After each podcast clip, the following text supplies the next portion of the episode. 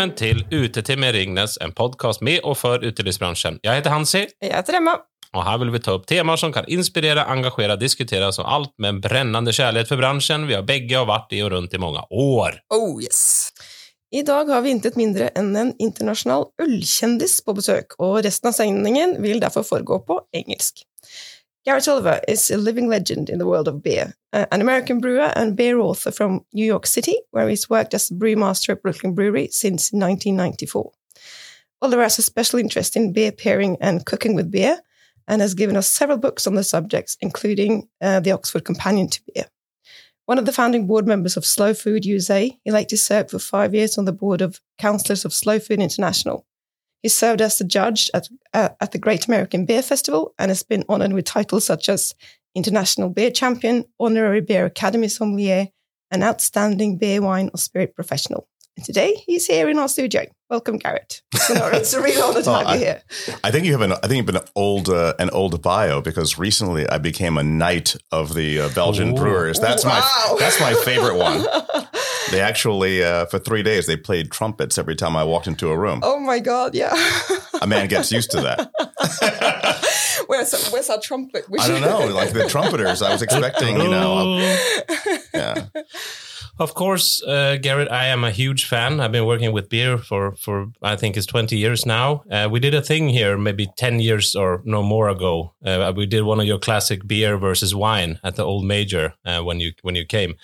And I remembered early you arrested me because I served the bottles of beer uh, without a glass. And you said, How are people going to smell the beer? And uh, I get shocked and a bit flushed. And I said, Of course, we should have glasses for the beer. And it stayed with me. Through the years, you visited Norway so many times. Have you seen any difference? Are we now uh, like a beer nation? What do you think about the state of Norway? Well, you know, it's funny because uh, I remember quite a few years ago, I went to, I, I don't remember the exact name of the museum, but it's here in Oslo. It's a museum of like science and industry. And I happened upon a room of uh, three rooms, in fact, of silver and gold tankards, all of them old beer vessels. Uh, just the, some of the most beautiful object you've ever seen, you know, room after room after room. And so, of course, you know, Norway was always a beer nation. And it is very funny to me that obviously the Nordic food movement comes maybe originally to some extent out of Denmark, but went, you know, went throughout, you know, the Nordic countries. And then mm, people are looking at things that come from here and the Norway langoustines and the this and the that. And then when it comes to the drinks, they default to France, which is very, very strange to me, especially since if you recall the wine versus beer with food uh, competitions, I would say there's two kinds of sommeliers the ones who know they're going to lose and the ones that don't know they're going to lose. You, But they're- you they're- did, you did win this competition. so- yeah. I, I, I don't have to remember it to know because I win all the competitions. but, you know, it's in a little bit, it's unfair, you know, because it's not because I'm a genius. It's because, you know, I have a, a much better, uh, a much better thing to work with. And I say that completely as a wine aficionado. I love wine. I drink a lot of it. I know a lot about it. And it actually informs a lot of the work that we do. I, I, I do too. I'm I'm a big fan of wine, and I think it's but I think it's still hard to explain. I mean, how good beer actually is with food. We're not going to stay on the topic too long, but I, I do. I do want to ask you, how do you uh, tell people or how do you show them uh, about beers? Because a lot, a lot of people in Norway feel like uh, you're standing up, you have a beer, and then you sit down, you say, Can I have a glass of wine as soon as the food comes in? How do you work with that? I think it's really a matter of showing beer, you know, uh, in a way that gives people something useful for their own lives. For example, if you show somebody, you know, how great particular kinds of beer are with various types of cheese, for example, or uh, if you, especially if you do, say, an imperial stout and dessert Mm. pairing, they don't really have great things to work with, especially when it comes to dessert. You have dessert wines and they can be great. Mm. They're usually not that great with dessert. Mm. So when people have, say, imperial stout with ice cream or tiramisu or something, they're like, wow. Yeah. And the first thing they think is, well, next time I have a dinner party, maybe I should do this. Yeah. And that's really much more interesting than trying to tell people, oh, when you have your, you know, your lamb chops rather than burgundy, you should really think about this beer. It's like, well, you could, but what, what, you know, whatever you feel like, it's not a competition. You know, so in any given evening, I might have some mezcal at one point, and then another point, I might have some wine, and then I'll have you know some beer. You Mm. just kind of keep everything you know in balance. Don't overdo it, but you know it's not a matter of one or the other. It's a matter of having more. Yeah, I agree. Start with the desserts and the cheeses. But uh, you are a traveled man, and uh, you are from the states, and uh, we would like to. I mean, we always look to to New York uh, for for trends and and new ideas. What what's shaking over there? What are the beer trends at the moment? Well, what's interesting now is that you find a, a, a real blending together of the different worlds of fermentation. Um, and so, you know, you have the, the, the world of, say, kombucha or uh, orange wine or natural wine. The natural wine movement has finally kind of caught up, if you like, to the beer movement. When people were talking about wild yeast or whatever, you know, 20 years ago, they were talking about lambic. Mm. And then they were talking about like American wild fermented wine. Now they're talking about natural wine, Mhm. you know, and low intervention wine, which of course you see in all the top restaurants now. in Low intervention. You mean the fewer things you do with it, or Yes, normally uh, native yeast. Yeah. And uh, no sulfur. Yeah. And you know, rather than uh, laboratory yeast and uh, driving the wine in a particular direction. Mm. So you know, people have different things they mean by natural wine, but generally, uh, you know, wine is really uh, often very manipulated, Mm. and people they have a different image. It's like wine is natural and whatever. Not not really that often. so but we're seeing the same trends uh, with beer as well. uh, absolutely, but the trend came in beer first, I would say. You know, so uh, all this interest in wild yeast strains like Brettanomyces and the flavors that they can make uh, are really something that you know are now blended together between the cider world, the beer world, the kombucha world, the cheese world, the the you know, so everything that has to do with fermentation is kind of uh, in some ways coming together, and you see people are having uh, fermentation festivals that go across all the categories um, at the same time. You know, so you'll have somebody who is presenting a kombucha, which is non-alcoholic, and then next to them is a natural wine producer, and next to them is a beer producer. And the thing they have in common is they are all using native yeast. But uh, are we seeing this from the big producers as well? Because here in Norway, of course, I mean, there, there is uh, some who talk about sour beers and, and natural fermentation, but still, it's such a small percentage. So you kind of you bring them into your bar, and then they just stand there. Uh, you know, that's what we call furniture, you Yeah. know, that you dust it off uh, once uh, uh, every week. No, uh, actually, in some markets, we are seeing uh, sour beers in particular do very well, where, you know, people who are used to drinking margaritas and champagne, you know, they pick up a sour beer and they were like, wow, this is great. Mhm. And they don't have uh, the prejudice against sour beer that actually a lot of brewers or beer fans might, you know, uh, I think that you have, as you have new generations coming along to drink things, they don't really have the old expectations that beer has to be like thi- like this or like that. No. So, you know, if you are in your 20s and you start to drink beer and then you learn from the beginning that some beers are sour and some beers are bitter, you know, the same way you know about cocktails, you know, some some cocktails are based on lemon and lime juice and some are based on bitters. You know, those are basically the two kinds of cocktails. Um, you have the same thing with uh, with beers. Now for them, it's just normal. Sometimes you want sour beer, sometimes you want bitter beer. Yeah, I do feel that there's always the old guy in the background that, that screams, This isn't beer. And I say, Oh, what is it? Yeah, it doesn't use nice words for it, does he? Yeah, uh, is do you think this is we can expect this to be the next big thing in Norway as well, or we will still be sipping on IPAs in the next five, ten years? I think, well, you know, if you go back five, six, seven years, you know, I thought that the hazy IPA, you know, the hazy, juicy IPA, if you like the modern American style, would be more or less a fad and would uh, fade out. You know, we haven't really seen that. Uh, and IPAs have continued to, to grow. And I think that really, um, you know, you're seeing IPA, the, the danger in the American scene is that the IPA will become a monoculture, like a new monoculture you know, we replaced the sort of industrial regular beer with a wide variety of beers. And now the variety is getting squeezed by everybody drinking this one style. Mm. Um, but you're seeing even that style evolve. I mean, three or four years ago, you saw people putting a lot of lactose into these and making them sweet. That that's kind of gone away because they were they were not very tasty. You drank one and that was all you could drink. Now people are making them leaner again. You're starting to see more malt show up.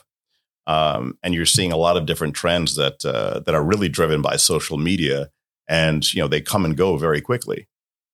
I think uh, what I get a, I get from a lot of customers, they have a hard time sorting out what an IPA actually is because we have low IB, IBA, I, we have low alcohol beers and high alcohol beers. We have the uh, bitter, uh, bitter IPAs and uh, fruity IPAs. I mean, do, do people understand what an IPA is in America at the moment?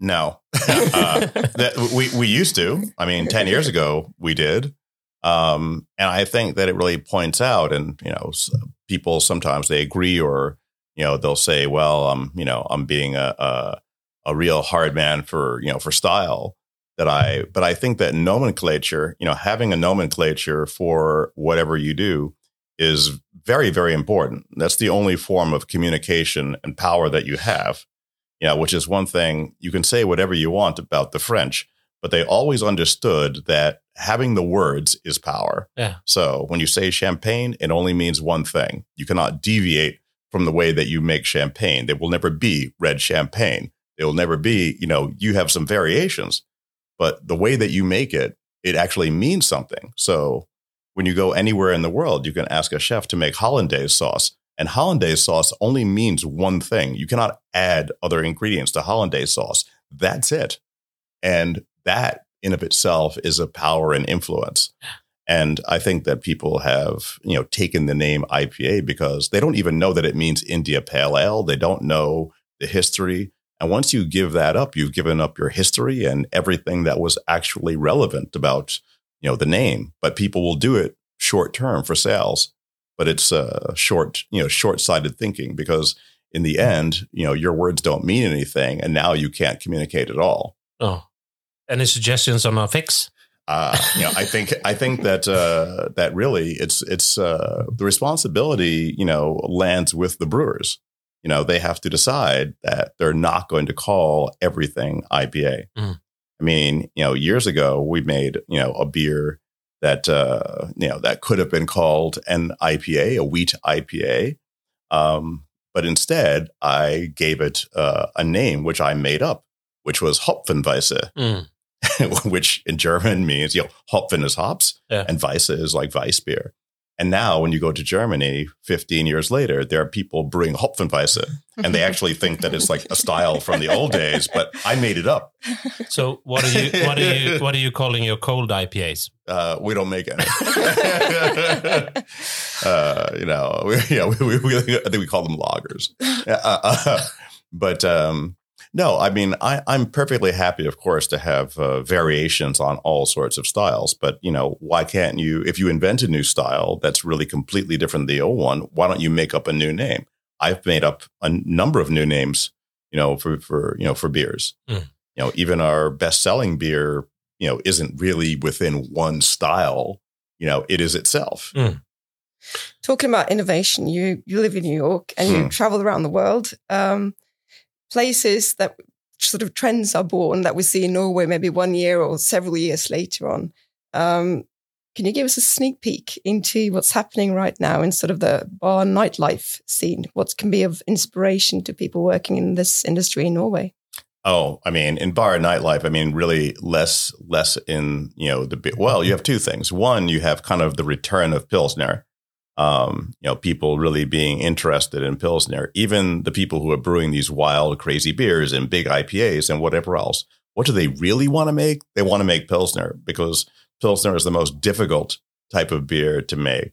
And if you are very, very good at it, you that is the way you demonstrate, you know, your skill. It's like making an omelet, you know, in a French kitchen, or uh, uh, you know, I think of in a way, Pilsner is like a James Bond movie or a Western movie, right? There's only one or two plots. Mm. So you know what's going to happen. In James Bond, you even know like the jokes beforehand, you know the music beforehand. It's a formula. And so the only question, but there are good James Bond movies and there are bad James Bond movies. So if it's a formula, the only thing is, can you play out the formula with a certain style? Mm. And, you know, that constriction actually is the thing that makes it, you know, that makes it fun to execute. Because can you hit this mark um, and really still give some life to it? Um, so that's interesting. In you know, in the world of drinks, we see the strong rise, in particular, of mezcal.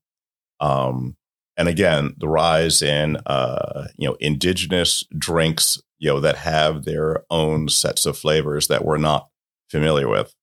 You know, in my own work, I'm working with uh, uh, an African grain called fonio, you know, which most people here would not be familiar with, but was uh, was a grain that was grown throughout Central Africa uh, until the, the colonial powers showed up and they stripped all of everything away from the people. But now it turns out that fonio grows well throughout that area south of the Sahara Desert. And guess what? It requires no rain, it requires no fertilizer, it requires no pesticides, it requires no fungicides. There's no need for chemical inputs. It just grows. Wow. And uh, it tastes it tastes wonderful. It makes great beer, you know. And you know, as we have climate change, we're going to need to know about these highly nutritious, you know, things that people have been growing for five thousand years, and we've never heard of them because people went in and destroyed it. And now these things are coming back. And as we brew beers with them, we're also building the communities, you know, in Ghana, in Nigeria, in Senegal, where I will be in 10 days. Um, uh, you're rebuilding these, you know, these areas and rebuilding the local economies, you know, that were destroyed by Western powers. And it turns out that the things that they are growing, that they have known about for 5,000 years, is what we need to have a future. And wow. also, when you ferment it, it tastes great. wow. But it, uh, it, it sounds like you're giving a lot back, which sounds amazing. Is this something that the customer is also asking for? Is just for your own uh, heart or for your own? Uh... It started off being for my own heart and my own interest, but it turns out that of all the things we talk about, it's the thing that customers grab onto the most themselves. And once you tell people what it is and where it comes from and what it does, you don't have to sell it. You know, everybody wants it. Like it's really fascinating to me. Groups, companies that we talk to, and we're doing a tasting of all these wild and interesting things. And then we present them with the Fonio beer. And then at the end, all anybody can talk about is the Fonio beer. Where can we get it? How can we use it? Like, you know, all of these things. So, I mean, the things that have been meaningful to me for the last, say, five years I'm now seeing are going to be meaningful to everybody. Because, you know, what do we what do we want? Well, you know, uh, this is something that literally in that in that area of the world, it can rain three times in a year and it still grows. It's ridiculously nutritious. It's full of you know antioxidants and everything else. We we're discovering that the beers that we make from Fonio they seem to last like two or three times longer than you would expect you know, without having oxidation problems or whatever else. And we have no idea why. But we're but, but like because like no one's done any research. So we're looking at the you know at these beers and we're like, this beer is old. Why doesn't it taste old? And like we don't know why. You know, so we have to put it through some laboratory tests to figure it out because we're seeing three or four different beers and they don't seem to age. And we're like, um, what's going on here? I, I, don't see the downside. Why do why do we stop using it? Uh, uh, well, it turns out that when you look at how colonialism works, the idea is extraction. So when you have something that requires no fertilizers and no pesticides and no fungicides and no irrigation works, guess who was selling the chemicals? Yeah. right. Well, so if you know if if you don't require uh, Western companies to sell you chemicals, then, you know, well, that's not good, right? So this is, you know, we have to look at the responsibilities that the West has in the things that they did and realize that it was a structure which was designed to extract wealth. And the things that were already there were good. Um, and people didn't need all this stuff that we brought them, you know.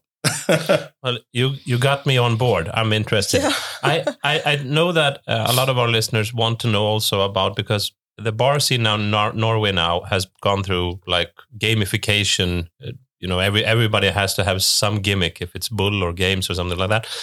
And they also tell me that you have to have an activity now every every day of the week, otherwise you don't get the people. Uh, are you seeing similar things in New York or, or, or other countries? No, our activity is drinking, and, and and but and and but but also you know drinking and talking to our friends. Yeah. you know we just went through uh, you know uh, a pandemic, uh, which of course was you know horrible everywhere for everybody.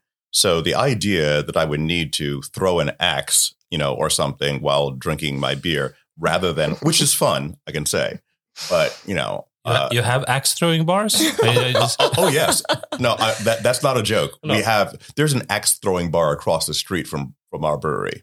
That's, that's a concept we can co- co- copy. no. No, I mean, it's funny. There are also archery bars, but you can't have alcohol in them. But the, literally, you can have there are axe throwing bars, and you can have a beer. and you can have a beer. Oh my god. Yes, But it's, I, so, I, so I, I can show you. I can show you. I can show you videos of myself doing it. It's no joke. what other concepts? What other concepts could be of inspiration in a country where we seem to need to have something to get people to go out? Yeah, we you know, we don't need anything to get people to go out. People have been dying to go out now for like three years. So uh, I think that you do see in New York that used to stay open all night. People are eating earlier; they're getting home earlier. So you have you know these effects you know that are that are left over. But look, you know, I think this will not last forever. I remember two two or three years ago, I said, "Will I ever like shake somebody's hand again?" uh, et cetera. I mean, everything was so traumatizing that it was uh, very difficult. But now I think that, you know, I think it's one thing that makes Pilsner popular again is people want a beer that they can stay with for two or three hours and talk to their friends. Mm. You know, and that's not a 7% IPA necessarily. You know, it's something that, uh, that uh, drinks well and that you can have, you know, two or three or four over a period of hours not just one and you know and you're finished Well, I, I would still I vote for the long talks and, and the, the nights out. I thank you very much, uh, Garrett, for coming here today, Yeah. and I wish you a fantastic stay in in Norway and, Uh, a, and a good uh, travel to Africa. yeah thank you very much i uh, uh i'll be up in svalbard later uh you know later in the week and uh i will be fighting off polar bears uh, That's that's from one extreme to the other. exactly Uh, i have to go home and change my clothes before going to senegal Yeah. Thank you so much, Garrett. Thank you. thank you A big thank you to our guest, Mr. Garrett Oliver. Og tusen takk til produsent Nils Nirisrud og ansvarlig redaktør Johanna Elvsen Rostad. Og husk å lik, del og Og abonner!